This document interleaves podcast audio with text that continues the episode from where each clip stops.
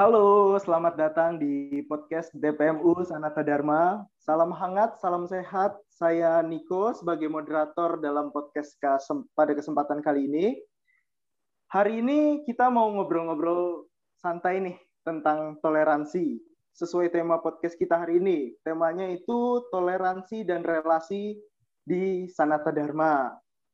Podcast ini tuh podcast part satu ya teman-teman yang dengan tema toleransi nanti podcast keduanya akan menyusul itu dari apa agama selanjutnya ada Kristen, ada Hindu dan ada Konghucu dari podcast part 2 nanti. Nah, hari ini kita sudah kedatangan perwakilan dari yang pertama agama Katolik. Shalom, berkah dalam, fratertian,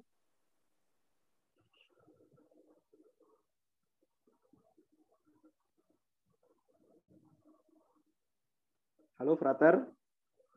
Bisa mendengar? Oke. Shalom, Frat. Berkah dalam.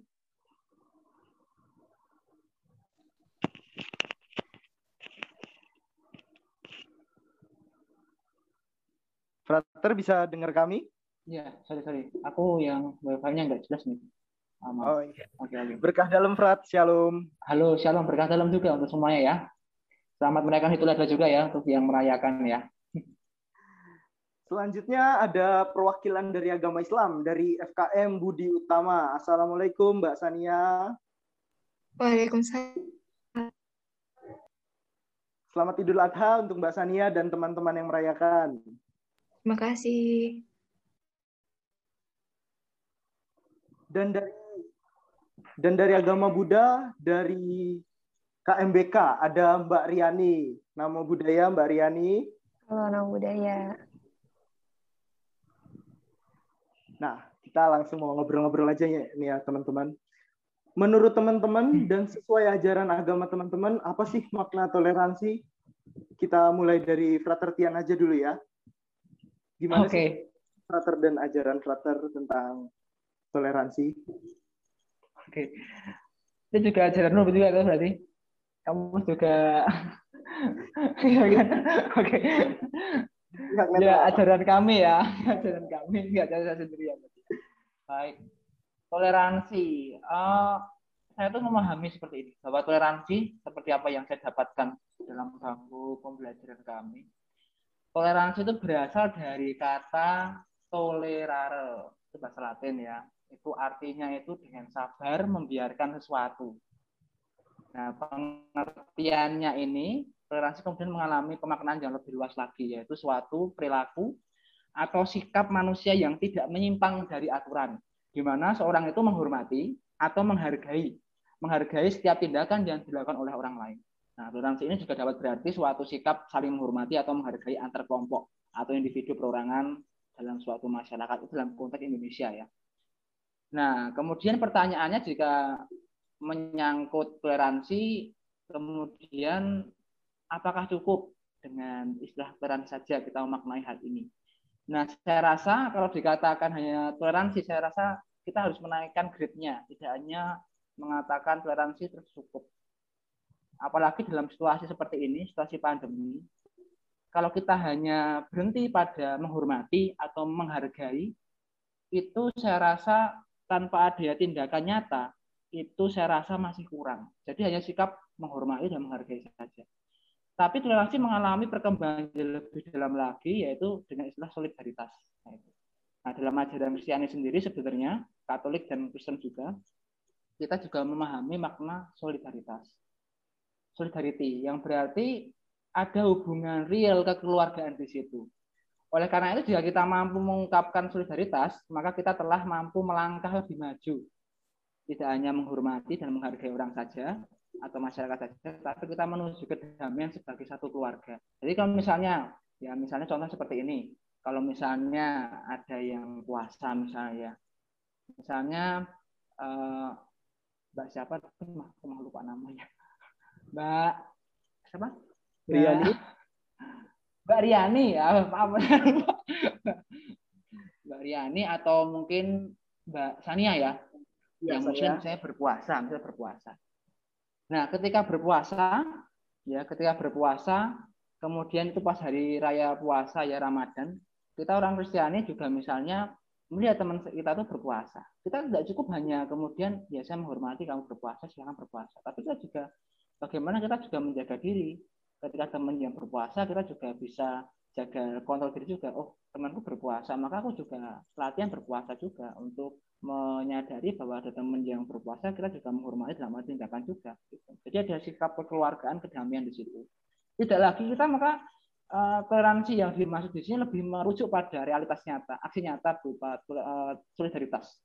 Tidak lagi membahas soal intoleran atau toleransi lagi, tapi harapan kita kita situasi pandemi yang seperti ini juga harapannya bisa mampu masuk kepada uh, persoalan yang lebih melangkah lebih maju lagi yaitu merasakan apa yang dirasakan oleh orang lain juga. Maka solidaritas ini menjadi dasar dari kesatuan hidup bersama sehingga tidak lagi mengatakan uh, teman sebangsa Indonesia melainkan juga lebih dari itu yaitu keluarga sebangsa Indonesia.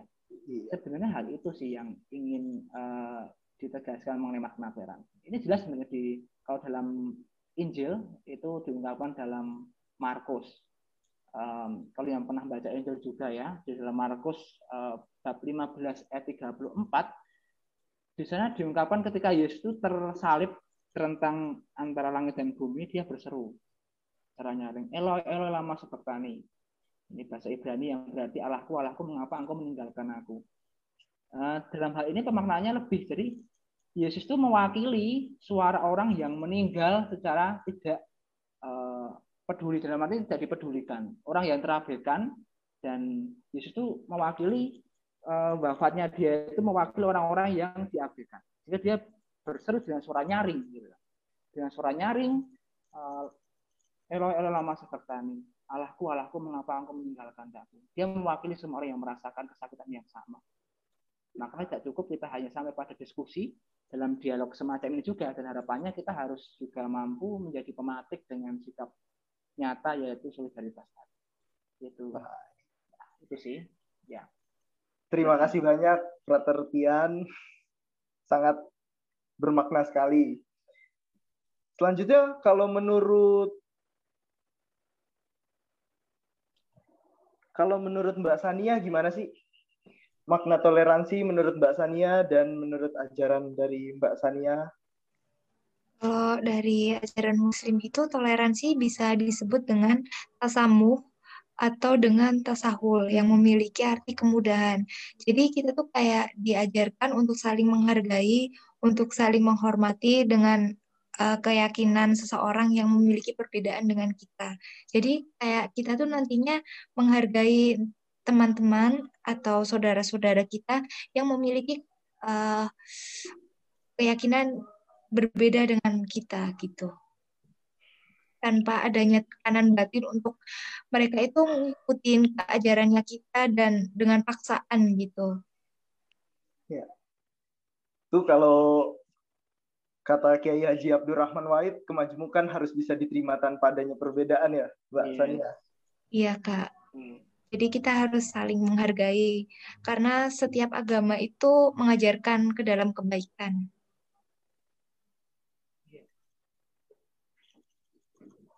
Lalu selanjutnya kalau untuk Mbak Riani, gimana tuh Mbak Riani? Ya kalau menurut uh, di agama Buddha juga ada ya namanya itu Brahma Wihara. Nah ini tuh intinya kita itu di apa ya ajaran ini tuh menuntut kita untuk mengembangkan sikap cinta kasih, kasih sayang, rasa simpati dan keseimbangan batin. Nah bentuk realisasinya ini kita itu dituntut untuk menghargai makhluk lain dan mengasihi makhluk lain. Nah, ini tuh yang menjadi dasar makna sikap toleransi di agama Buddha. Dan bukan itu saja, uh, di setiap kita berdoa, selesai berdoa, itu ada kalimat semoga semua makhluk berbahagia. Nah, itu tuh maksudnya uh, realisasi kita di sikap toleransi ini gitu. Jadi mengharapkan semua makhluk bisa berbahagia. Uh, contohnya kalau di toleransi itu kayak mereka uh, bebas dari ancaman atau menghargai makhluk lain gitu. Itu aja sih. Asli. Sabe Sata apa? Sabe Sata? Bapak Bantu Sukitata. Sukitata. Ya. Dari agama Buddha yang Tuh. sangat Jadi kita bisa tarik kesimpulan ya teman-teman ya untuk makna toleransi itu sendiri sebenarnya uh, tidak jauh berbeda antara ajaran uh, yang satu dengan agama yang lain. Jadi itu makna toleransi sendiri itu artinya kebaikan ya teman-teman. Seperti yang kata disebutkan oleh Frater Tian tadi, uh, untuk menghormati dan menghargai aja itu tidak cukup dibutuhkan solidaritas. Dan dari Mbak Sania tadi tentang menghargai perbedaan ya Mbak Sania dan dari Mbak Riani dituntut untuk cinta kasih, keseimbangan batin dan mengasihi makhluk lain. Selanjutnya nih teman-teman.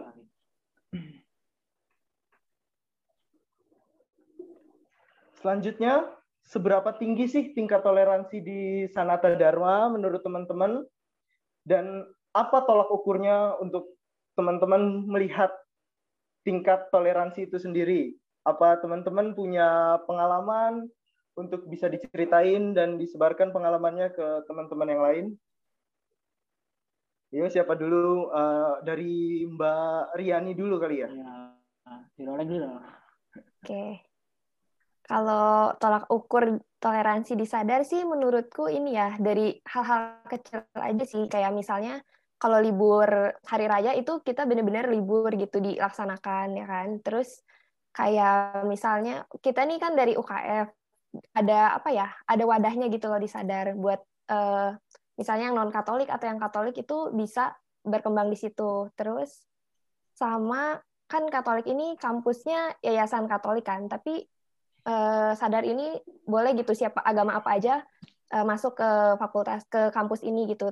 Kecuali kalau misalnya kayak pendidikan agama Katolik atau itu pengecualiannya. Kayak gitu aja sih. Kalau dari Mbak Sania gimana nih? Dari Mbak Sania. Kalau dari saya itu kayak ya tadi contohnya waktu azan maghrib itu saya minta izin untuk sholat. Gitu dipersilakan entah itu dosen teman-teman itu saling menghargai. Terus waktu uh, buka puasa juga teman-teman yang lain juga memberi waktu. Padahal itu waktu itu saya lagi kuis dan uh, diberi waktu 15 menit terlambat nggak apa-apa. Karena waktu itu pada bulan Ramadan kalau nggak salah ya. Terus waktu hari raya pun liburnya juga lumayan banyak kak itu kalau uh, toleransi di dalam kampus itu saya yang paling terkekeh itu di kampusnya itu tersedia apa namanya tersedia itu ruang doa untuk muslim ya. Contohnya itu di mas apa musola itu tersedia buat jadi buat sholat. Jadi nggak kayak kita tuh tuntut di sana tuh kayak harus katolik gitu enggak gitu loh kak Jadi perkara nanti itu.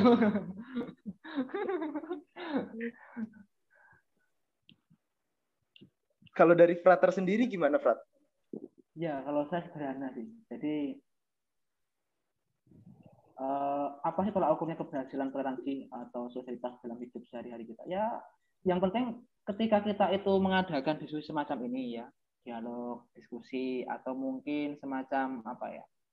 Ya bertemu kemudian ngobrol secara formal seperti ini atau mungkin dalam acara-acara seperti ini ya ini merupakan salah satu pematik saja gitu. Pematik bekal baik kita untuk kemudian menerapkan dalam hidup sehari-hari. Jadi yang paling utama tolak ukur keberhasilan toleransi itu bukan terletak dari oh kita mengadakan podcast nih kita mengadakan diskusi nih maka dia itu orang yang sangat toleran berarti. Enggak. Tetapi toleransi yang sejati itu ada dalam kehidupan sehari-hari. Misalnya saya ngomong begitu baik ketika podcast seperti ini. Tapi ketika hidup sehari saya itu orangnya intolerannya sama aja tuh ngomong kosong. Ya, omong kosong hanya bulan belaka saja. Itu bullshit itu kan. Tapi kalau misalnya saya tuh ngomong, ya, ngomong dan ternyata dalam hidup sehari-hari saya tuh melakukan secara sungguh-sungguh ada orang ya sederhana aja ada orang ada nggak tahu agamanya apa nggak peduli dia beragama apa tapi ada butuh bantuan jatuh dari apa dari sepeda motor atau apa saya bantu tanpa menanyakan agamanya apa, saya rasa sifat-sifat kemanusiaan seperti ini merupakan wujud tolak ukur yang paling sejati untuk menentukan tingkat toleransi seseorang. Jadi ketika misalnya toleransi itu direalisasikan dalam kehidupan nyata, itulah tolak ukur keberhasilan toleransi. Nah persoalannya banyak orang membicarakan toleransi tetapi minim aksi.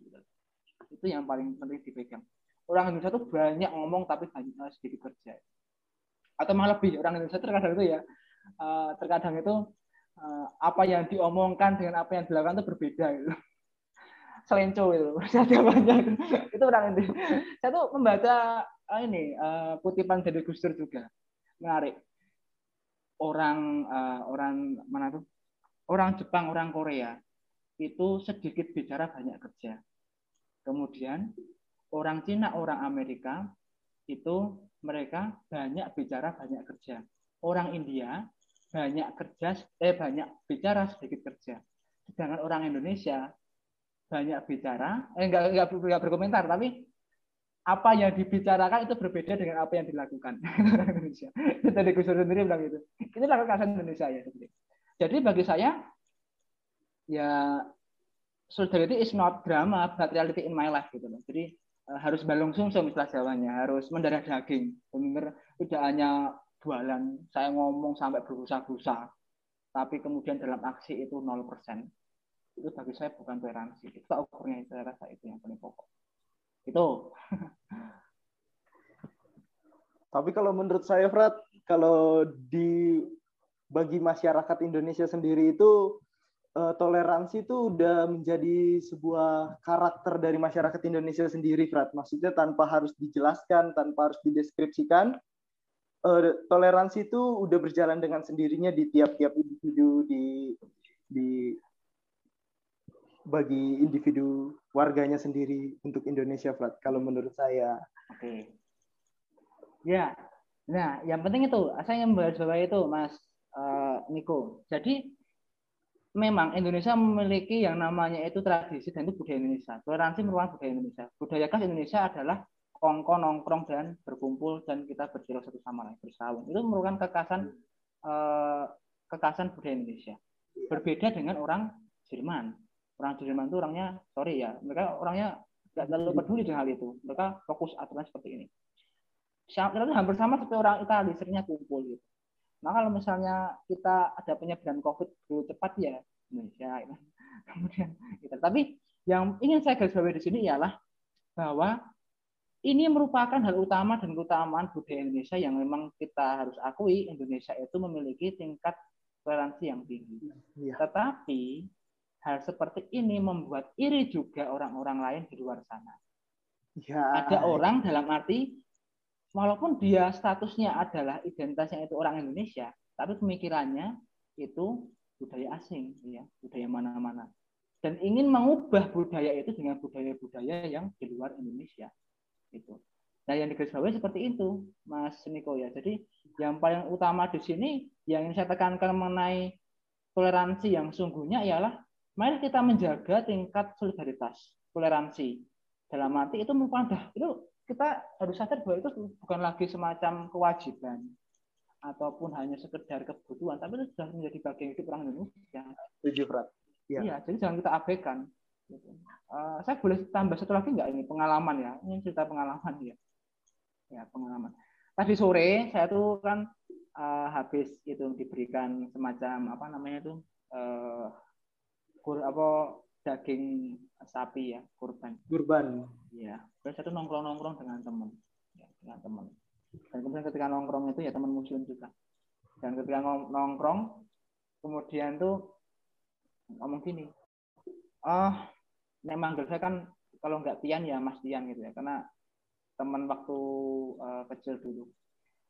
Di sini intinya itu orang itu nggak bakal menanyakan perihal yang namanya itu eh, agamamu apa, persoalanmu apa, kemudian identitas agamamu itu apa. Tetapi yang terpenting di sini ialah mana kita berkumpul, kalau ada perkara kita selesaikan bersama-sama. Kalau misalnya ada suatu kita butuh bantuan dan kamu memang nggak bisa membantu, ya bilang saja kita nggak, saya nggak bisa karena saya ada acara. Dan paling enggak ada sapaan-sapaan. Kalau ada kita berjumpa dengan orang lain, kita menyapa satu sama. Saya rasa ini merupakan salah satu identitas Indonesia dalam artian dengan hal sederhana senyum sapa salam 3S seperti itu itu saya rasa merupakan budaya yang menjadi khas. Di luar negeri saya rasa jarang ya orang pribadi pribadi yang mengajak orang mampir. Kalau di Jawa kan seperti itu. Ayo mampir di sini rumahku sini sini sini itu ketika yang malu kan ketika disuruh mampir hanya berusaha basi hanya sebagai agama mampir tenanan itu memalukan. Ya persiapan mas Rate oh, saya pernah ngalami seperti itu. Monggo mampir mas. Saya mampir. Yang ngomel-ngomel. Di belakang tapi itu orang Jawa seperti itu biasanya. Ya saya, saya rasa seperti itu. Jadi kita berusaha menjaga solidaritas tidak hanya sebagai drama tetapi menjadi realitas yang harus kita jaga. Itulah kekasih orang Indonesia. Gitu sih. Ternyata toleransi itu indah ya untuk Mbak dan Frater. Pasti dong. nah, ini pertanyaan khusus untuk Mbak Riana dan Mbak Sania nih. Untuk Mbak Sania dan eh, Mbak Riani, mohon maaf. Untuk Mbak Sania dan Mbak Riani, apa sih yang terlintas ketika tahu akhirnya masuk kampus yang notabene adalah kampus Katolik? Mungkin bisa ceritain ekspektasi atau ada keresahan atau ketakutan atau ada kebahagiaan tertentu bisa diceritain dong Mbak uh, kalau dari saya ya Kak saya itu udah dari SMP itu saya sekolah di SMP Kristen. Dan SMK itu saya sekolahnya di SMK Katolik dan Yayasan Tariakan Kanita kan. Terus kayak udah kayak biasa gitu loh kak kalau uh, kita juga dulu waktu SMK itu kalau ada acara Natal pun juga semua wajib ikut dan kita mengikuti misa juga yang Muslim juga mengikuti yang Hindu Buddha juga mengikuti gitu. Dan di situ tuh kayak kalau yang apa namanya yang enggak Katolik non Katolik itu kita dikasih ruang tapi ya masih dalam satu lingkup gitu. Tapi kita cuma diem dan uh, ngikutin acaranya tapi kita nggak mendalami gitu. Jadi kayak udah terbiasa gitu kak. Jadi Mbak Sania tuh udah itu ya Mbak. Berarti kampus Sanata Dharma ini bukan pengalaman pertama untuk Mbak Sania masuk ke perguruan yang notabene Katolik ya Mbak. Kak. Jadi sebagai pengalaman sebelumnya. Ya. Kalau Mbak Riani sendiri Uh, sebenarnya saya juga sama sama Mbak Sania. Jadi saya ini dari dulu sekolahnya di uh, Yayasan Katolik kan, naungan Yayasan Katolik. Itu sebenarnya saya sengaja nyari uh, kampus yang Yayasan Katolik juga. Kenapa? Soalnya menurut saya di sistem pendidikan Katolik ini bagus gitu loh. Terutama dalam moralnya, disiplinnya juga. Terus toleransinya itu tinggi. Jadi saya nggak ngerasa wah takut gimana-gimanain gitu. Sama kalau misalnya ketakutan sih sebenarnya ada ya. Soalnya kan ini beda daerah juga. Sama di kampus tuh kan lebih luas ya lingkupnya. Takutnya nanti, wah gimana nih saya harus nyesuaiin dirinya gimana. Saya diterima atau enggak, itu sih. Tapi ternyata uh, teman-temannya asik banget sih di sini. Wah, Frat, ternyata dua teman kita ini udah ada pengalaman di perguruan yang notabene. Iya. Eh, kamu nggak tanya aku juga nih, Mas Niko nih. Boleh deh, nggak, nggak tanya sekarang April soal ini juga. Oh gimana tuh? Kalau menurut Frater gimana? Ya kalau saya sih malah nggak ada terlintas ekspektasi yang tinggi ya, karena ya mau nggak mau harus masuk sini juga. Siapa cuma itu saja sih. ya itu aja jawabannya. Manut panggilan ya Frater ya, berarti. Ya. ya gitu, kalau nggak mau ya udah, ngapain jadi seorang imam. Oke. Okay. Terus kalau menurut teman-teman nih, apa sih peran dan pengaruh agama dalam pembentukan jati diri, pembentukan relasi dalam kehidupan, terutama untuk uh, setingkat mahasiswa ya? Bagaimana tuh teman-teman? Oke. Ini siapa ini? Siapa ini? Siapa dulu aja, monggo. Oke, mungkin saya mulai dulu ya teman-teman ini ya. ya. Jadi kalau orang beragama dengan orang yang nggak punya agama atau nggak punya pegangan iman itu jelas eh, sangat berbeda tingkat atau grade-nya itu berbeda. kalau orang yang nggak beragama, ya orang yang nggak beriman atau bahkan anti teos atau ateis, anti itu atau agnostik gitu ya, orang yang menanyakan apakah Tuhan itu ada atau enggak, itu berbeda. Mereka akan berbuat kebaikan itu karena mereka ya ini merupakan suatu hal yang perlu dibantu, maka kita perlu membantu sebagai sama manusia. Ya itu memang sudah sebenarnya kita membantu. Jika misalnya kamu itu kamu itu memukul memukul teman saya, maka saya akan berusaha membalas dong gitu. Dan kemudian kalau misalnya uh, kamu itu butuh bantuan, ya saya akan membantu selagi saya bisa mampu. Tapi hanya alasannya itu. Tapi kalau orang beragama, tidak cukup hanya berhenti pada tindakan baik. Tapi orang beragama itu memiliki tingkat yang lebih, akhirnya lebih, yaitu ada pemahaman, ada sikap, dan kemudian baru masuk yang namanya itu tindakan. Jadi kalau orang nggak beragama, nggak punya iman, itu hanya berhenti pada yang namanya itu tindakan baik. Tapi kalau misalnya kita itu memiliki iman, memiliki agama, kita memiliki pemahaman dan sikap. Itu yang membedakan kita dengan mereka. Pemahaman apa? Kita memiliki keteladanan, memiliki figur ideal. Misalnya ya, misalnya dalam agama Islam misalnya ya, eh, mungkin Mbak Sanya lebih paham daripada saya. Ada figur misalnya eh, Muhammad, misalnya di mana dia berusaha eh, menerima pewahyuan Quran tadi sebagai pedoman hidup pedoman hidup bagi kaum muslim. Figur teladan. Kemudian dalam agama Kristiani ada figur pribadi Yesus Kristus yang menjadi puncak pewahyuan kita. Di mana dia menjadi pedoman hidup itu sendiri yang mengarahkan kita untuk berbuat baik sesuai ajaran dia. Kemudian dalam agama Buddha ada Buddha Siddhartha Gautama, di mana di situ dia bisa menjadi contoh teladan bagaimana bisa mencapai itu moksa gitu ya moksa gitu. nah itu itu salah satu pemahaman dan setelah pemahaman ada kemudian sikap sikap itu apa ada niat berbuat baik di mana dalam niat berbuat baik itu ada harapan untuk ada makna di balik perbuatan baik kita jadi kemudian ketika misalnya kita paham oh saya itu memiliki figur contoh teladan ideal saya memiliki teladan dia dan kemudian saya menerapkannya dalam sikap oh ini ada orang nih, ada orang butuh bantuan. Harusnya seperti ini, tapi hatiku harus melakukan seperti apa. Itu sikap. Nah, baru kita sampai pada yang namanya itu aksi nyata atau tindakan hidup. Nah, itu baru kita sampai, oh kita berbuat karena ini merupakan suatu harusan merupakan ajaran iman dan juga merupakan gadis sebagai seorang manusia. Jadi grade-nya itu jelas lebih. Jadi bersyukurlah kita yang beriman kepada dia yang esa gitu. Sehingga kita bisa mampu memiliki kematangan kedewasaan tidak cukup hanya perbuatan tanpa ada arah yang jelas, tapi kita memiliki arah yang jelas sesuai dengan pelajaran iman kita masing-masing. Saya rasa sih itu aja sih. Ya.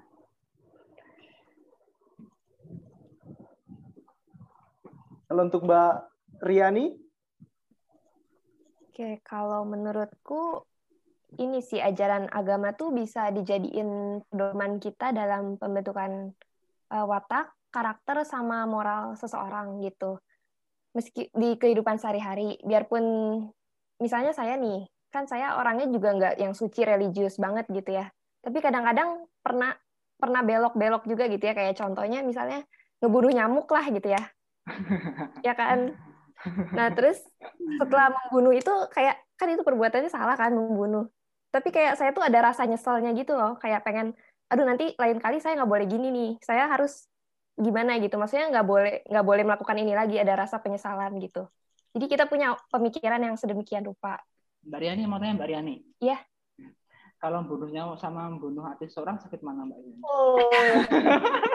Sama sama Canda, Oke lanjut aja lanjut Jangan motor ini. aja, itu aja. Masuk, masuk, masuk. Masuk, masuk. Oke. Gak boleh, lanjut, lanjut, maaf ya biar lebih slow gitu kan. Iya, sama kayak uh, di kegiatan kegiatan keagamaan juga yang kita ikutin itu kayak misalnya nih di apa ya di Kristiani itu kayak suka ada retret gitu kan dulu saya. Nah di situ tuh uh, kita tuh ketemu orang-orang yang bisa uh, mempengaruhi mindset-mindset kita jadi lebih baik lagi gitu. Terus bisa bergaul dengan orang-orang baru juga. Dan itu mempengaruhi uh, hidup kita tuh kayak gimana ke depannya gitu. Biasanya sih ketemu orang-orangnya yang positif positif gitu sih. Kalau Mas Niko dulu positif atau negatif ya Mas Niko negatif positif positif. positif. Dirawat ya wisma Oke oke oke. Ya lanjut. Kalau sekarang kita nggak boleh ketemu sama orang positif positif ya Prat ya? Iya betul ya. Kita, iya. Tapi teman kita banyak kan, banyak yang negatif kan. Nanti kita ketularan, nggak bercanda. Ayo terakhir Mbak Sania. Kalau menurut saya pribadi ya, uh, jadi kita tuh uh, lebih memiliki ketakutan akan imannya kita. Kalau nantinya tuh kita ngelakuin tindakan yang nggak baik dalam ajaran agama kita, kayak nantinya tuh kayak misal kenapa ya kita tuh ngelakuin kayak gini, padahal udah sama agama tuh dilarang gitu. Contohnya aja ya, kalau dalam Muslim itu tuh kan kayak uh, entah itu dilarang dalam hal pacaran tapi itu kayak malah orang-orang tuh uh, ngikutin gitu loh pacaran gitu gitu padahal dalam agama tuh kan nggak boleh uh, kayak Tuhan tuh lebih ngejauhin kita dari hal kayak gitu tuh kita harusnya bersyukur. Tapi kalau orang zaman sekarang ya remaja zaman sekarang tuh kayak dia malah sakit hati kayak galau terus tiap harinya gitu loh. Dan kalau terjadi hal-hal sesuatu itu malah dia nyalahin Tuhannya kenapa aku ini. Padahal kalau kayak gitu tuh kan biasanya dari dia sendiri yang kayak ngelakuin kayak gitu gitu loh kak. Terus kita juga nantinya dapat pembentukan moral dari agama yang kita ajari dan kita perdalam setiap harinya gitu. Wah, kalau gitu Mbak Sania saya bisa gelar setiap hari dong gitu harusnya harusnya taruh pembahasannya ya harusnya taruh ya. Masih gitu kak. Tapi kan kebanyakan kan sekarang nggak kayak gitu kak. Jadi kayak udah mengikuti zaman aja sih. Terima kasih untuk apa pengalamannya teman-teman. Untuk pengalaman ceritanya buat pertanyaan tentang peran dan pengaruh agama dalam pembentukan jati diri ini. Um, menarik bagi saya mengutip dari kata-kata teman-teman tadi, dari cerita teman-teman tentang fratertian yang membahas tentang uh, agama itu menjadi pedoman. Perbedaan antara orang beragama dan tidak beragama itu terletak pada pemahaman dan sikapnya sampai pada aksi nyata. Terus dari Mbak Riani juga menyebutkan tentang pembentukan watak karakter dan moral, dan Mbak Sania lebih ke poin ketakutan dalam diri. Mengutip dari Gus Dur lagi nih. Gus Dur mengatakan peran agama sesungguhnya membuat orang sadar akan fakta bahwa dirinya bagian dari umat manusia dan alam semesta kata-kata yang sangat menarik untuk saya. Selanjutnya, mau bertanya lagi nih kepada teman-teman tentang menurut teman-teman faktor apa sih yang membuat penghalang toleransi dan masih banyaknya orang atau oknum yang intoleran. Dan sebagai mahasiswa yang kritis, toleran dan visioner, solusi apa yang bisa teman-teman suarakan untuk meningkatkan toleransi dan memecahkan masalah intoleran? Bisa ke Mbak Sania dulu?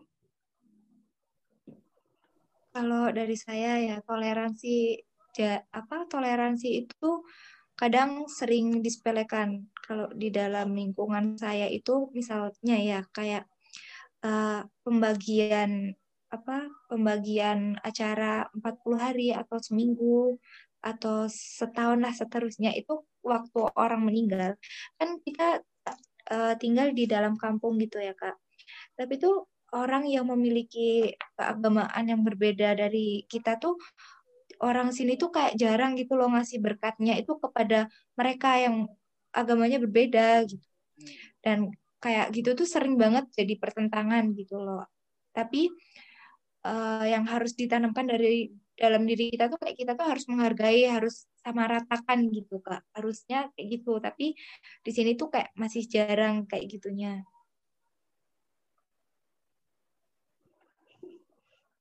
Kalau menurut Mbak Riani, bagaimana Mbak Riani? Kenapa yang ada orang intoleransi itu ya?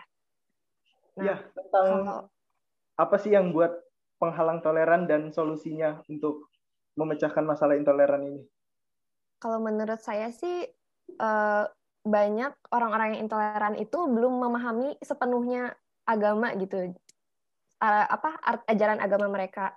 Makanya mereka ini jadi salah arti gitu. Jadi ada sikap fanatik lah atau apalah. Jadi mereka mencela agama lain atau gimana. Nah, sebenarnya orang-orang yang kayak gini itu perlu kita rangkul sih. Jadi kayak di edukasi diajarin baik-baik atau di uh, gimana gitu supaya mereka tuh nggak termakan uh, apa ajaran-ajaran dari luar yang langsung mereka telan mentah-mentah gitu kayak gitu. Nah kalau menurut Frater gimana Frater Tian? Oke, menurut saya mengapa masih banyak orang yang belum bisa menghargai perbedaan toleransi antar umat beragama? Sebenarnya itu ada dua faktor sih. Nah, kalau saya sendiri ya. Pertama, mereka itu tidak paham akan kualitas keberadaan mereka dalam artian mengenai eksistensi mereka. Kemudian yang kedua, manusia itu paham, tetapi sikapnya itu memiliki sikap over ego, ya. ego saja sangat berlebihan. Nah, dua hal ini mengakibatkan adanya apatis kemanusiaan, apatis ketidakpedulian. Uh, sorry, apatis kepedulian. Jadi mereka tidak respect yang namanya itu peduli, toleransi seperti itu. Maka dari itu menghargai dan menghormati orang lain, uh, agama itu bukan semata-mata karena kita itu uh, beragama maka kita harus demikian, tapi dasar kita sebagai manusia maka kita harus memahami hal ini. Jadi sikap orang yang seringnya itu condongnya itu uh, tidak paham itu masih bisa diarahkan. Tetapi kalau misalnya orang itu paham, tetapi karena di sisi lain aku punya kepentingan di balik itu, biasanya dia itu paham tapi mengabaikan hal yang sudah jelas itu. Jadi saya rasa orang yang paling banyak mengalami yang namanya tingkat intoleransi itu karena dikarenakan dia itu paham tapi dia itu memiliki keegoisan diri yang sangat tinggi yang ingin sekali bahwa aku harus bisa memperoleh keuntungan lebih. Nah, itu sehingga mengabaikan yang lainnya itu menjadi salah satu faktor utama bagaimana seorang itu menjadi apatis toleransi atau apatis kemanusiaan seperti yang lain. Ya itu sih saya rasa. Jadi kita kalau misalnya diminta harus bagaimana ya kita harus tetap sadar bahwa kita sebagai manusia hal ini bukan nah, apa? Kesadaran pribadi, Fred. Yes. Ya, semua akan kembali ke jawaban itu pastinya. Kesadaran pribadi, kesadaran pribadi. Pasti itu jawaban yang sangat menjadi referensi kita. Tetapi kesadaran pribadi itu dibentuk dengan adanya yang namanya itu ya ini bagaimana diri kita itu sikap menghormati, sikap menghargai, toleransi, solidaritas itu semua itu yang bisa memahami hal itu hanya manusia, gitu. hanya manusia. Nah, semua manusia itu paham. Memang tidak semua konsep itu semua orang paham, tapi memiliki refleks untuk berbuat demikian. Jadi semua orang itu paham akan hal ini, dalam perbuatan mereka paham, tapi dalam mungkin pemahaman definisi toleransi adalah saya rasa nggak semua orang paham, tapi ketika ada orang butuh pertolongan, ada orang butuh bantuan, ada refleks, dan itu memang toleransi yang sejati. Sehingga sedangkan ini yang membedakan dengan hewan ialah kalau manusia itu memiliki refleks berbuat toleransi, kalau hewan itu sama sekali tidak ada refleks berbuat demikian. Nah, ketika ada manusia yang paham tetapi mengabaikan atau bersikap apatis akan toleransi, uh, maka sebenarnya ini merupakan ungkapan implisit ya, tidak langsung dia menjadikan dirinya itu seperti hewan yang tidak punya refleks kemanusiaan. Saya rasa itu. Jadi orang yang intoleransi sebenarnya seperti itu. Udah paham mengenai yang namanya toleransi, tapi dia mengabaikan. Jadi dia itu pura-pura menjadi seorang hewan. Gitu. Saya kalau bicara keras seperti itu juga. Gitu. Ini merupakan suatu hal yang nyata. Itu sih. Terkadang orang harus disentil keras juga sih, Fred ya. Harus dengan perumpamaan-perumpamaan yang sangat keras untuk mencapai ya, kesadaran pribadi itu sendiri ya, Fred. Karena tidak orang tuh kalau sudah memiliki egoisme diri yang begitu besar, mereka itu bersikap abai akan hal itu. Mereka belum perlu yang namanya itu shock terapi juga. Itu pun masih belum paham. Nyata kok di Indonesia seperti itu. Banyak. Ya gitu sih. Mas Niko. Terakhir nih untuk Mbak Riani, untuk Mbak Sania dan Frater Tian. Oke. Apa sih harapan ke depannya untuk kampus Sanata Dharma berkaitan dengan toleransi dan relasi dan harapan terkait mungkin UKM UKM keagamaan di Sanata Dharma harapannya Wish. Hmm. Boleh Mbak Riani dulu. Oke. Okay. Oke. Uh, harapan aku sih uh, ini ya. Jadi kan kita udah menurutku di sadar tuh toleransinya udah bagus banget ya. Jadi dipertahankan aja sama supaya lebih meningkatkan lagi itu uh, lebih diadain acara-acara bareng gitu kayak misalkan kalau udah nggak pandemi mungkin kita bisa retret uh, antar agama bareng-bareng gitu. Terus diskusi forum uh, lintas agama itu kan seru banget ya. Itu sih membentuk forum ya Mbak ya. Harapannya yeah. jadi akan terbentuk forum dan dialog antar umat beragama ya. Yeah, sering-sering gitu. Kalau untuk Mbak Sania, harapannya untuk kampus kita tercinta ini? Jadi harapan saya itu nanti UKM itu setiap mahasiswa, misalnya entah itu mahasiswa uh, apa namanya agamanya berbeda-beda. Tapi mereka itu saling saling mengikuti di dalam UKM UKM yang disediakan dalam kampus. Terus nanti uh, dalam UKM itu setiap bulannya nanti pengurus UKM itu yang pengti atau pengurus lainnya gitu tuh kayak diundang dalam acara tiap bulannya. Kalau misal ya kalau uh, pandemi kayak gini tuh kayak kita tuh ngada ngadain zoom terus kita tuh nanti kayak sharing sharing gitu. Kalau uh, nggak nggak pandemi kita tuh kayak makrab gitu loh kak. Tiap entah itu tiga bulan sekali atau sebulan sekali gitu biar kayak kita tuh nanti lebih menghargai teman-teman yang memiliki keagamaan berbeda. Hmm inti kesimpulannya mirip sama Mbak Riani tadi ya, tapi lebih setiap mahasiswa terlibat dalam kegiatan UKM keagamaan ya, Mbak Sania. Iya, Kak. Nah, terakhir nih untuk Frater Christian. Oke, suara saya masuk ya. Tadi agak-agak terkata-kata ya, Oke, masuk ya. Oke, gini sebenarnya kalau dibilang seperti yang diungkapkan oleh Mbak uh, Riani maupun Mbak Sania tadi memang kalau sadar sih sudah jelas. Dalam toleransi sudah baik sudah terlihat nyata sejak kita itu insadar bersama. Kita nggak pernah bertanya kalau mau apa soal mau apa. Nah saya malah promosi sekarang ya. Saya mau promosi. Saya selaku orang yang mengoordinator bagian UKF ya simbol iman community Fakultas Agama Fakultas Teologi dan Bakti ingin mengajak si teman-teman semua ya uh, bisa bergabung dengan kami gitu ya. Jadi kami itu Simpul Iman Community merupakan ini loh, uh, merupakan semacam UKF ya, uh, yang merupakan diskusi informal, tapi ranahnya nanti ranahnya ya teologis. Ya. Tapi kemudian kita itu yang penting kita berkumpul dan kita membahas berbagai macam hal, isu, persoalan, dan kemudian di situ kita nanti akan uh, berbagi pengalaman, kalau ada suatu perkara kita bisa selesaikan bersama. Kenapa juga mengundang-undang orang-orang luar juga untuk memberikan suatu penjelasan uh, toleransi dan sebagainya. Jadi perihal hal ini sebenarnya sangat diharapkan apa ya teman-teman semua ya tidak harus juga saya wajib untuk ikut. Tapi paling enggak bagaimana kita mengharapkan bahwa ketika misalnya di situ ada misalnya ada suatu kegiatan yang melibatkan seluruh mahasiswa ya. Mahasiswa tanpa memandang dalam arti itu ini merupakan kumpulan mahasiswa tanpa memandang yang namanya itu agama atau apa kita diskusi bersama berkumpul bersama berefleksi bersama maka saya rasa perlulah kita semua untuk mengadakan hal itu dan kita menggiatkan hal seperti itu. Karena saya rasa ini merupakan salah satu uh, hal penting dan kita melalui hal sederhana seperti ini melalui kumpul bareng pertemuan bareng seperti ini lewat podcast atau uh, perjumpaan langsung seperti ini saya rasa itu merupakan hal sederhana sebagai pematik kita untuk bisa membangun suatu hal yang lebih baik lagi. Itu sih. Jadi diharapkan ya kalau misalnya ada yang bersedia ikut simpulkan komisi silahkan. Tapi kalau misalnya tidak seminimal mungkin apa yang ya cuma diem ya oke gabung aja kalau ada pertemuan. Rencana ya rencana itu tanggal 15 Agustus ya kami dari Simpul Iman Community itu mengadakan konser lintas iman dan agama Akbar tanggal 15 Agustus memperingati hari raya kelahiran Indonesia HUT RI ke-76 dan rencana kita akan disiarkan langsung live streaming di channel YouTube Komsos KS Komisi Sosial Kusuman Agung Semarang.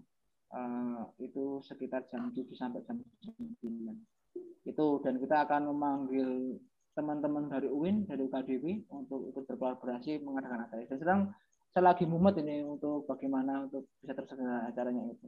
Kayak itu. Jadi silahkan teman-teman bergabung dan saya harapannya kita bisa menjadi influencer penyebar hal-hal baik seperti ini. Amin. Ya itu ya. Semangat untuk acaranya Frat Amen. baik terima kasih ya. untuk ngobrol-ngobrol dong cuma semangatin saja. Gimana dibantuin dong gak cuma nyemangatin aja kamu mau nyemangatin Mbak Rian, Mbak Sania nanti ikut ya Niko nih was kacau ini Oke oke oke. Lewat apa? KMBK, lewat Budi Budi Utama. Ya, silakan semua bergabung kita meriahkan. Ini acara kita bersama, bukan acara dari fakultas ini saja ya atau Baik, terima kasih untuk ngobrol-ngobrolnya, cerita tentang pengalamannya, serta harapannya, terutama untuk waktunya, untuk kampus kita tercinta ini. Terima kasih untuk Mbak Riani, terima kasih, titip salam hangat dari saya dan dari DPMU untuk teman-teman KMBK. Terima kasih juga untuk Mbak Sania, terima kasih, titip salam hangat juga teman-teman FKM Budi Utama dari saya dan dari DPMU. Dan terima kasih banyak untuk Frater Tian. Titip salam juga untuk teman-teman. Semangat Frater dalam memenuhi tugas dan panggilan sucinya. Amin. Terima kasih sudah meluangkan waktunya. Oke. Terima kasih juga untuk teman-teman yang sudah mendengarkan podcast kami. Semoga bermanfaat dan perlu diketahui sekali lagi, hari ini adalah podcast part 1 ya teman-teman. Part 2-nya nanti kami akan berbincang-bincang dengan teman-teman dari perwakilan agama Kristen, dari perwakilan agama Hindu, dan perwakilan agama Konghucu. Dan agar podcast kita terus berjalan terus, makanya tonton tonton terus dan dengarkan terus podcast DPMU Sanata Dharma. Sekali lagi terima kasih teman-teman. Sampai jumpa di podcast part 2 di podcast selanjutnya. Salam sehat, salam hangat dan salam kebaikan. Terima kasih. Terima kasih. Terima kasih Mbak Riani, Mbak Sania.